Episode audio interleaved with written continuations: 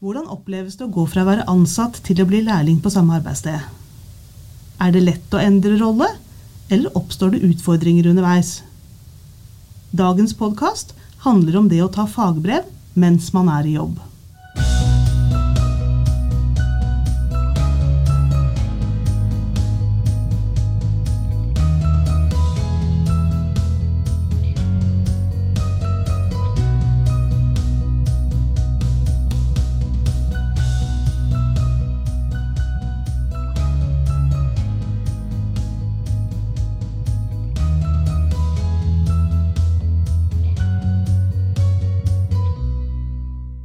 Hei.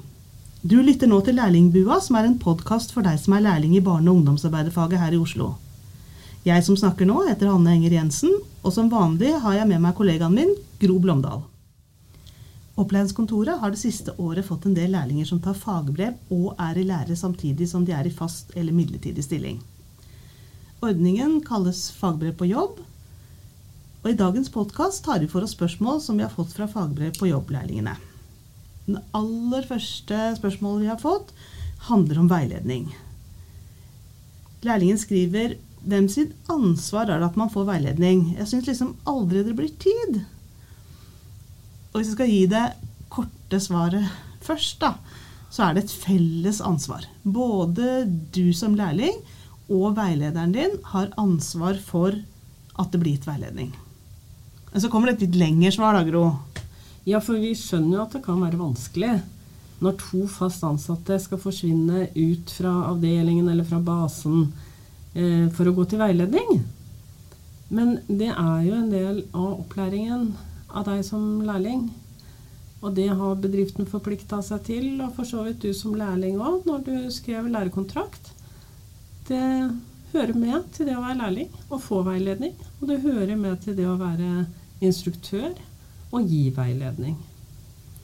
Jeg tenker at det kan være lurt å, å sette av en fast tid. ja. At, man, at, det står på planen at alle på avdelingen vet at den, det og det tidspunktet, enten hver uke eller hver 14. dag, hvis det passer bedre, så er det veiledning. Da er du og veilederen opptatt og ute fra avdelingen eller ute fra basen på AKS eller ikke delaktig i det som skjer på klubben. Mm. Og kanskje finne ut når passer det best da, i løpet av dagen eller i løpet av uka. Det, det som ikke er lurt, er å avtale fra gang til gang. Da er det veldig lett å skyve på, eller at det ikke passer. Og jeg tenker veldig mange lærlinger får veldig dårlig samvittighet. Det, Det tror jeg òg. Og jeg tenker en annen ting som ikke er lurt, er å begynne på den derre Ja, nei, men vi kan droppe det denne gangen, da. Det er ikke Vi tar det igjen. Én gang går nok, men hvis det begynner å skje uke etter uke, så har man gått glipp av viktig opplæring. Altså. En annen lærling sier at man får en slags dobbeltrolle når man eh, er faglig på jobb-lærling. Og det kan fort være at kollegene glemmer at man nå er lærling. Og det skjønner jeg, at det kan være vanskelig. Og jeg tenker at man glemmer det kanskje selv av og til òg. Man blir så opptatt av arbeidet. Man blir så opptatt av å strekke til og bidra når det er få voksne på jobb, og så videre. Det er vanskelig å snu gamle vaner. Det er sånn man har vært vant til å jobbe, og nå er man plutselig lærling. Skal ha plass og ro til å få opplæring og lære. Jeg tenker at det kan være vanskelig å, å på en måte gå inn i den nye rollen òg. Ja, dette at liksom plutselig skulle både lese den teorien, men også begynne å endre på måter man har gjort ting på. Da, ikke sant? Og ta teorien med inn i det daglige arbeidet. At det er fort gjort å liksom bare gjøre ting etter gammel vane, eller sånn man alltid har gjort det. Ja, det vil jeg tro. Og så tenker jeg kanskje det er litt skummelt. Det Ja. å være vant til uh, å kunne jobben sin, og så plutselig kan man ikke helt denne rollen. Hvordan er det å være lærling? Hvordan skal man oppføre seg? Er det noe annerledes? Plutselig er det noe man ikke kan. Og så har man kanskje fått en kollega som veileder. Plutselig skal man stille spørsmål og undre seg sammen med en som tidligere man har vært kanskje på like fot med. Da. Og så skal man kanskje være den som skal lære av en av de andre ansatte. Det er utfordrende. Det er utfordrende. Og så har vi jo noe som heter janteloven i Norge, da. Du skal ikke tro at du er noe. Du skal ikke tro at du er bedre enn oss. Nå tror ikke jeg at kollegene dine går rundt og tenker det, men jeg tenker man sier kanskje det til seg selv. Hva tenker de andre nå? Tenker de sånn om meg? Det kan være litt vanskelig å vise seg fram, rett og slett. På en annen måte enn det man har gjort før. Samtidig tenker jeg at man blir på en måte et slags eh, forbilde for, eh, for de andre. Altså Hvis det finnes flere ufaglærte på basen eller avdelingen, så, så eh, blir man den som lærer noe som går et skritt videre. Og det er en veldig viktig rolle, den der forbilderollen som man plutselig står i. Veldig. Og så tenker jeg litt på det der å stille spørsmål med rutiner.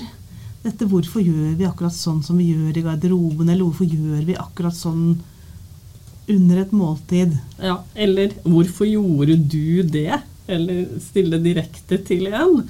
Begynne å se at kanskje folk eh, gjør rare ting som du begynner å undres litt over. Eller at du har gjort rare ting sjøl? Ja, det er kanskje like ille å oppdage at eh, oi, sånn gjorde jo jeg også tidligere. Uten å tenke over det. Og så tenker jeg det å begynne å bruke faguttrykk i jobben. Faguttrykk gjør det jo ofte lettere å si noe med få ord.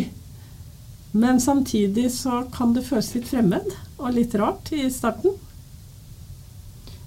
Mange er veldig redd for de faguttrykkene.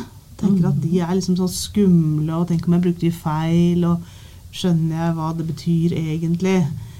Men samtidig så er det jo det som er faget. Eh, Hvis du møter en bilmekaniker, da, så snakker han ikke om den dingsen oppi motoren. Nei, da snakker han om karlangen. Eller coilen. Eller coilen. eller hva det måtte hete. Sånn at dette er jo det som kjennetegner faget vårt. Det er disse faguttrykkene. Mm. Men hva tenker du kan være positivt med den dobbeltrollen man har som lærling og kollega? Jeg tenker at man kjenner jo jobben godt. Altså Man har med seg en masse praksis som man kan, og så fyller man på med teori. Man, jeg, jeg er sikker på at den tida som man er i fagbrev på jobb, så får man mange aha-opplevelser. Ting man har sett før som man kanskje har undra seg over, og som man får svar på i teorien. Mhm. Og så tenker jeg det er positivt for bedriftene at eh, noen begynner å stille litt spørsmål og påpeke ting. Alle må skjerpe seg litt da. Og så er det jo det med dette fagbrevet da, som vinker i andre enden.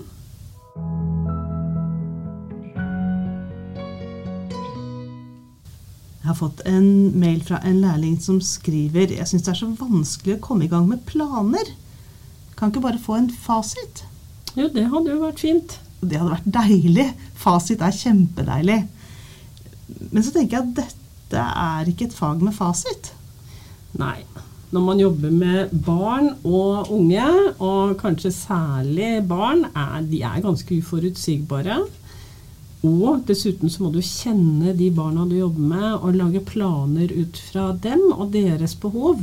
Sånn at hvis jeg f.eks. skulle lage en plan for en eh, lærling på en tilfeldig valgt skole eller i en barnehage, så ville det jo bli veldig eh, rart, litt kunstig, å skulle gjennomføre en aktivitet sånn uten at det er noe som helst slags eh, tilknytning til bedriften eller forankring i den barnegruppa.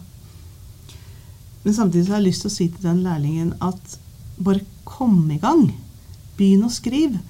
Eh, det trenger ikke å være perfekt eh, med en gang.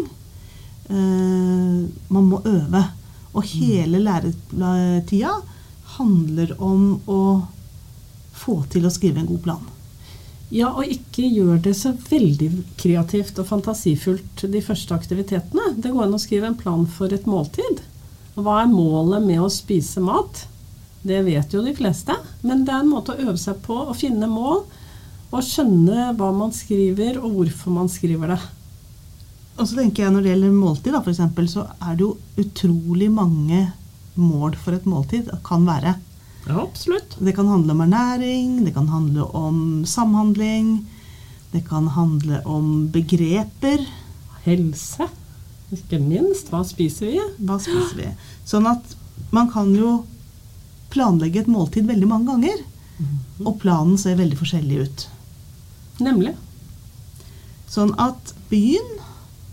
Prøv deg frem. Ta med deg planen din til veiledning. Snakk om den, korriger den, prøv den ut, evaluer den. Og lag en ny plan. Gjerne for samme aktiviteten. Gjerne for samme aktiviteten mange ganger. Da ser du også hvordan du selv utvikler deg. Vi har i dag snakket om det å gå fra å være bare arbeidstaker til å bli lærling og arbeidstaker på en gang. Husk at du finner støttemateriell til denne podkastepisoden i OLK. Vi tar gjerne imot innspill og spørsmål til podden, og de kan du rette til oss enten på Facebook, Instagram eller til e-posten vår postmottak.oho at sye.oslo.no